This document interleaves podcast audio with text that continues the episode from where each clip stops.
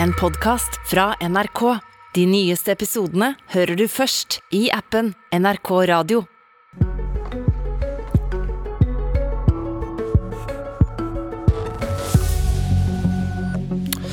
Norske politikere blir nå tvunget til å utvide ordforrådet. Et ord på K kommer stadig oftere ut av munnen på de som alltid lover mer penger. Nå snakker de om å kutte i budsjettene fremover. Det store spørsmålet blir hvor? I morgen kommer regjeringens forslag til revidert nasjonalbudsjett. Og denne halvårsjusteringen er ofte et gjesp, men ikke i år. Forsvar, bønder og flyktninger krever store justeringer, og de pengene må tas fra et sted. Det svaret får vi ikke i dag, men behovet for penger har satt fart i diskusjonen om hva Norge må bruke mindre på i årene som kommer. Og jeg må nesten si velkommen tilbake, Erling Sande fra Senterpartiet, leder i transport- og kommunikasjonskomiteen på Stortinget. Takk for det. For du var her før krigen, før alle nye utgifter som nå må dekkes inn, og du sa vi må se på om kan, vi kan spare noen penger på de store samferdselsprosjektene. Du fikk både ris og ros for det. Eh, og nå som krigen krever nye prioriteringer, var du ute i Klassekampen og mener at dette bare styrker din sak. Får du mer applaus for forslagene dine denne gangen? Jeg tror i hvert fall det at det siger innover oss alle at handlingsrommet er mindre framover. Og det er fordi at vi må bruke penger, vi må bruke mindre penger. Og vi må bruke pengene annerledes enn vi trodde bare for kort tid siden. Og det handler om akkurat det du sa. Styrke eh, forsvar, styrke beredskap, vi skal ta imot flyktninger. Vi har fått viktige prioriteringer på kort tid som vi må, eh, må bruke ressurser på. Og Da blir det jo enda viktigere. Det, det er jo alltid en viktig politisk oppgave å bruke pengene mest mulig fornuftig, men det blir enda viktigere å prøve å få pengene til å strekke så langt som råd, og det kan vi gjøre i samferdselspolitikken mer effektivt enn vi gjør i dag. Men uh, bare for å ta det, er det milliarder å hente allerede i årets budsjett for 2022? Samferdselsprosjekt det går over lang tid. og Når spaden er i jorda, når, når planene er ferdige og, og anbudene er ute, så er det mindre eh, mulig å gjøre endringer. Sånn at Dette er nok en diskusjon på litt lengre sikt, men at vi tar med oss dette inn i de prosjektene en sitter og planlegger nå. Kan en gjøre dette mer nøkternt? Kan en redusere fartsgrensa fra 110 til 90? Gjenbruke mer av eksisterende vei? Bygge smalere enkelte plasser? Så oppnår vi å spare penger, og vi oppnår å spare både natur og matjord, som er viktige ressurser også framover. Men da vil jeg minne deg om deres egen logikk. Får man ned reisetiden for næringsliv og ansatte, da sparer man penger, man skaper større arbeidsregioner. Eh, og hvis du tror på deres egne argumenter her for å bygge motorvei, da virker ikke dine forslag så smarte? Ja, men vi skal, vi skal ikke slutte å bygge vei. Vi skal bygge gode veier. Men eh, trailere kan ikke kjøre i 110 uansett. Så om vi bygger en god motorvei på 90 km i timen, får disse gevinstene, sparer penger, miljø, matjord, så får næringslivet like mye utbytte av det som de ville fått om vi bygde i 110. Men snakker dere, snakker, tillegg, snakker dere ikke sant når dere kommer med begrunnelsen av vi må bygge motorvei fordi vi faktisk skaper verdier? For nå sier du noe helt annet. Nei, jeg sier det samme. Vi skal bygge gode veier. Vi skal bygge, fortsette å bygge gode veier, men vi skal bruke fornuft oppi det. Og vi kan bygge en god vei på 90 km i timen som er like effektiv for næringslivet, og som sparer næringslivet for veldig store bompenger. Men hvorfor i all verden og, hadde dere disse planene i utgangspunktet da, hvis det ikke betyr noe? Ja, men Den endringa som jeg har kritisert, skjedde under forrige regjering. For da sa en det at da innførte en normaler som sa at over, 100, eh, altså over 12 000 eh, kjøretøy i døgnet, så skulle veiene som normalt planlegges med firefelt motorvei 110 km i timen. Og det har bidratt til å drege opp kostnadene i prosjektene. Eh, de er blitt langt dyrere, og de bruker langt mer areal enn det som strengt tatt er nødvendig i enkelte plasser. Og så, så har du tilfeller der trafikken er så stor at du må ha den type standard. Men har din regjering tatt til orde for å endre dette? Står det noe om dette i Hurdalsplattformen? Ja, vi er i gang med å se på dette nå, se på veinormalene. Og Stortinget gjorde et flertallsvedtak, både regjeringspartiene og SV, på at en skulle se på nettopp disse veinormalene. For at vi ikke bare fortsetter som før, men ser om det er mulig å få til en dreining. Så vi er faktisk i gang med dette arbeidet. Ketil Solvik-Olsen, nestleder i Fremskrittspartiet og tidligere samferdselsminister, god morgen. God morgen. Hva syns du om Sandes forslag til å spare penger? Du, Jeg syns det er et dårlig forslag. Altså, Jeg er helt enig i at vi skal prioritere, jeg er helt enig i at vi skal få mer igjen for pengene. Og Det er jo nettopp derfor vi gjorde de endringene når vi satt i regjering. Fordi vi observerte fra rød-grønn regjering, fra tidligere Bondevik-regjeringer at en bygde stykkevis og delt. En bygde for lav standard. Det betyr at ofte så bygde du et par kilometer om gangen, flytta maskinene, kom tilbake noen år seinere. Flytting av maskiner koster nesten like mye som å ha de til å bygge. Det å bygge for lav eh, standard betyr bare at du må tilbake igjen gjerne 5-10-15 år senere og bygge ett ekstra felt for å få trafikken til å flyte. Og Det er forferdelig dyrt, forferdelig dårlig. Og Derfor gjorde vi endringene at vi skulle bygge raskere, bedre og billigere. Løsningen til Erling Sande handler jo egentlig ikke om å spare penger i det store, men det handler om å spare seg til fant. Vi må både vedlikeholde det vi har, og vi skal bygge bedre for framtida.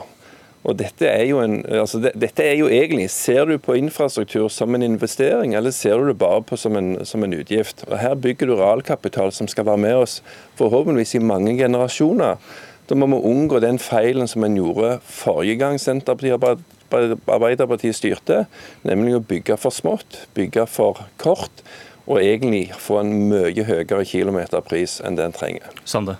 Nei, men jeg mener jo det at uh, En trenger jo ikke å gå helt i andre grøfta. Jeg er enig vi skal bygge for framtida, men det en bygger nå er veldig veldig store prosjekt. Noen plasser der trafikken er høy, så er det riktig, men mange plasser er ikke trafikken slik at en trenger å bygge firefeltsvei 110 km i timen. Og mange tilbakemeldingene, og også fra folk i, i Solvik-Olsen sitt eh, parti, er jo at eh, dette er et viktig poeng. For det, dette skal finansieres av skattepenger. Det er folk som betaler inn skatten sin, og i tillegg skal det finansieres av bompenger. Og Jo større og mer omfattende disse veiene er, jo mer bompenger må vi kreve inn av bilister og næringsliv. Og Det er klart, det rammer eh, mange bilister, og det rammer næringslivet vårt. Jeg tror ikke du snakker særlig grundig med mange Frp-ere, hvis du hevder at de er imot de bedre veiene som vi har, eh, har, gjennomført. Jeg er helt enig i at bompengeandelen burde vært kraftig ned. Som statsråd så fremla vi en bompengereform for å kutte og fjerne bompenger. Dessverre fikk ikke den flertall i Stortinget, for bl.a. Senterpartiet og Arbeiderpartiet stemte imot bompengekuttene. Men det er altså ingen gudgitt regel på at vi må finansiere med bompenger. Det er òg en veldig dyr og dårlig måte å finansiere vei på. Men altså, poenget er vi bygger ikke 110 overalt. En bygger det ikke bare fordi det er kjekt å ha. Veldig mange steder så bygger en gode 90-feltsveier, og en burde gjerne hatt 100 km i timen på, på, mange av veiene i Nord-Norge på E6, fordi at det er så oversiktlig og godt, selv om det bare er to felt. Okay. Sånn, at, eh, sånn at ikke, ikke, lag dette til at enten så er det 110, eller så er det ingenting. Her er det en variasjon over hele landet, men dere bygger for lav standard i forhold til det, altså når du begynner å argumentere som du gjør nå. Men eh, Solvik-Olsen, Frp trenger jo mye mer penger enn regjeringen. Dere har en transportplan som koster 1600 milliarder kroner, 400 milliarder mer enn regjeringen. Så hva, hva skjer med prisene for å bygge vei og bane hvis man skal bygge så mye mer på samme tid?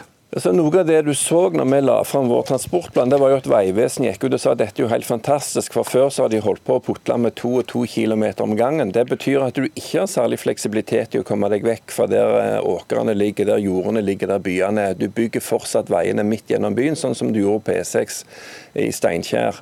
Når du tenker mange mil om gangen, gjerne, gjerne mange titalls mil, da kan du forkorte reisestrekningene, du kan legge de utenom de verdifulle områdene. Det betyr at du både sparer spare på de tingene som jeg syns er viktig å spare på. Men du får òg redusert måte, lengden på den veien du faktisk bygger, og dermed sparer du penger der. Men det blir, dyrere, det blir dyrere hvis du skal bygge så mye på så kort tid. Det sier Transportøkonomisk institutt. Nei, det er ikke jeg enig i. fordi at det handler okay. jo om hvis, hvis, ja, men Poenget er Hvis du ser at du har en lang strekning, da kan du tenke en helt annen eh, utnyttelse av massebalansen. Altså Der du har for mye stein og grus, det kan du flytte der du har for lite. Det er ofte ting der du må mellomlagre når du har små prosjekt. Men selvsagt, hvis du dytter inn veldig mye ting i et marked som har en begrensning på hvor mye de kan tilby, så byr du opp prisene. Det må vi unngå. Men det er derfor okay. det er viktig å, ha, å, legge opp til en langsiktig utvikling med en høy standard på det du bygger, så du ikke må bygge ting to ganger. Det er jo det som er det galne med den politikken som har vært ført. En har bygd for lav standard, og så må du tilbake ti år senere og utvide det. Det ser du på E18, du ser det på E6 i, i Trondheim, det ser du på E18 òg gjennom Østfold. Når regjeringen skal skaffe flertall for et budsjett, så går den til SV. Velkommen Mona Fagerås, som sitter i transport- og kommunikasjonskomiteen for SV. Eh, det Sande sier, er vel musikk i dine ører? Eh, absolutt. Jeg syns han sender noen eh, veldig viktige signaler. De gigantiske motorveiprosjektene som Solvik-Olsen og hans gjeng sto for de nesten åtte årene de satt i Samferdselsdepartementet, var totalt uansvarlig. Vi er nødt til å bygge langt og trygt istedenfor bredt og dyrt. Sånn at de signalene vi får fra Sande her nå, de er vi veldig glad for. Men vi skulle jo ønske at eh, regjeringa var enda tydeligere på hvordan de ville prioritere. Per nå så ligger det en plan om å bygge en fergefri E39. Det er ikke bra for, for norsk eh, næringsliv som ønsker å bygge utslippsfrie ferger, men det er altså en totalsum på denne pakka på 383 milliarder kroner. Vi er nødt til å tenke helt annerledes på hvordan vi skal bruke penger i dette samfunnet. Ok, I morgen kommer eh, revidert nasjonalbudsjett. De kommer til dere. Hva vil dere kreve i forhandlingene der som kan monne for inneværende år? Nei, vi vil jo stoppe eh, vi er i en tid nå hvor vi er nødt til å spare penger. Folk er livredd for at renten skal økes. Og det første vi vil stoppe, det er disse uh, miljøfiendtlige motorveiprosjektene. Men vil dere, noe, vil dere, stoppe noe, som allerede er i gang? Nei, vi satser jo på at, at Eh, vi kan stoppe Jeg nevnte Hordfast og, og Møreaksen og fergefri E39. Dette er jo prosjekter som ligger litt fram i tid, men vi er nødt til å eh, få forsikringer fra regjeringa på at dette er mulig å stoppe i fremtida. Sande? Det er ikke vår policy å stoppe prosjekt eller avlyse prosjekt. Jeg eh, har pekt på muligheten til å bygge de smartere.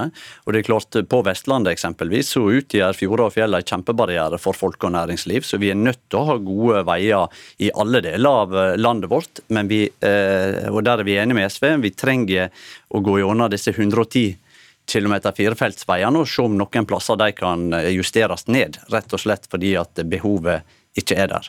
Eh, Fagerås, vil du kutte i ambisjonene for intercity på Østlandet, det største og dyreste jernbaneprosjektet, som blir langt dyrere enn man trodde? Nei, altså vi vil jo prioritere eh, jernbane i, eh, i våre budsjetter, og det har vi gjort til nå. Og intercity er for oss veldig viktig. Det å få eh, både gods eh, over på bane, men også passasjerer over på bane, det vil være en viktig eh, prioritering nå når vi skal eh, nå målene i Parisavtalen. Men når alle bilene på veiene etter hvert blir utslippsfrie, hva skjer med det klimaargumentet ditt da?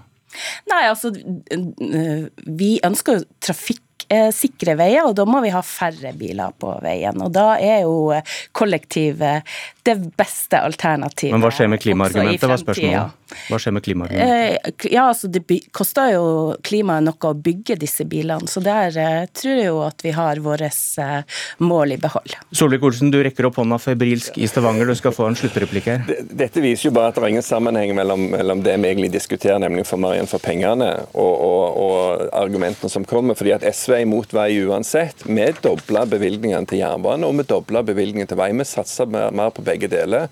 Hvis du ser på hvor er det der er manglende kostnadskontroll på samferdselsprosjektene, så er ikke det i veisektoren.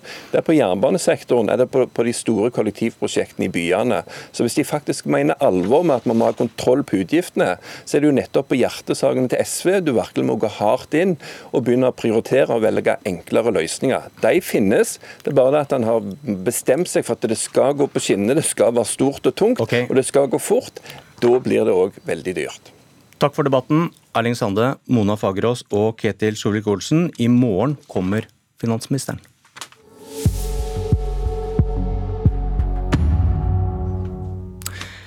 Til slutt en beklagelse fra NRK. I Politisk kvarter den 19. april var det en debatt om partiet Rødts forhold til nettstedet steigan.no. I løpet av sendingen ble det framsatt en rekke påstander om innholdet på steigan.no og redaktør Pål Steigan. Steigan burde, burde fått mulighet til å være til stede og svare på disse påstandene, og vi beklager at dette ikke skjedde.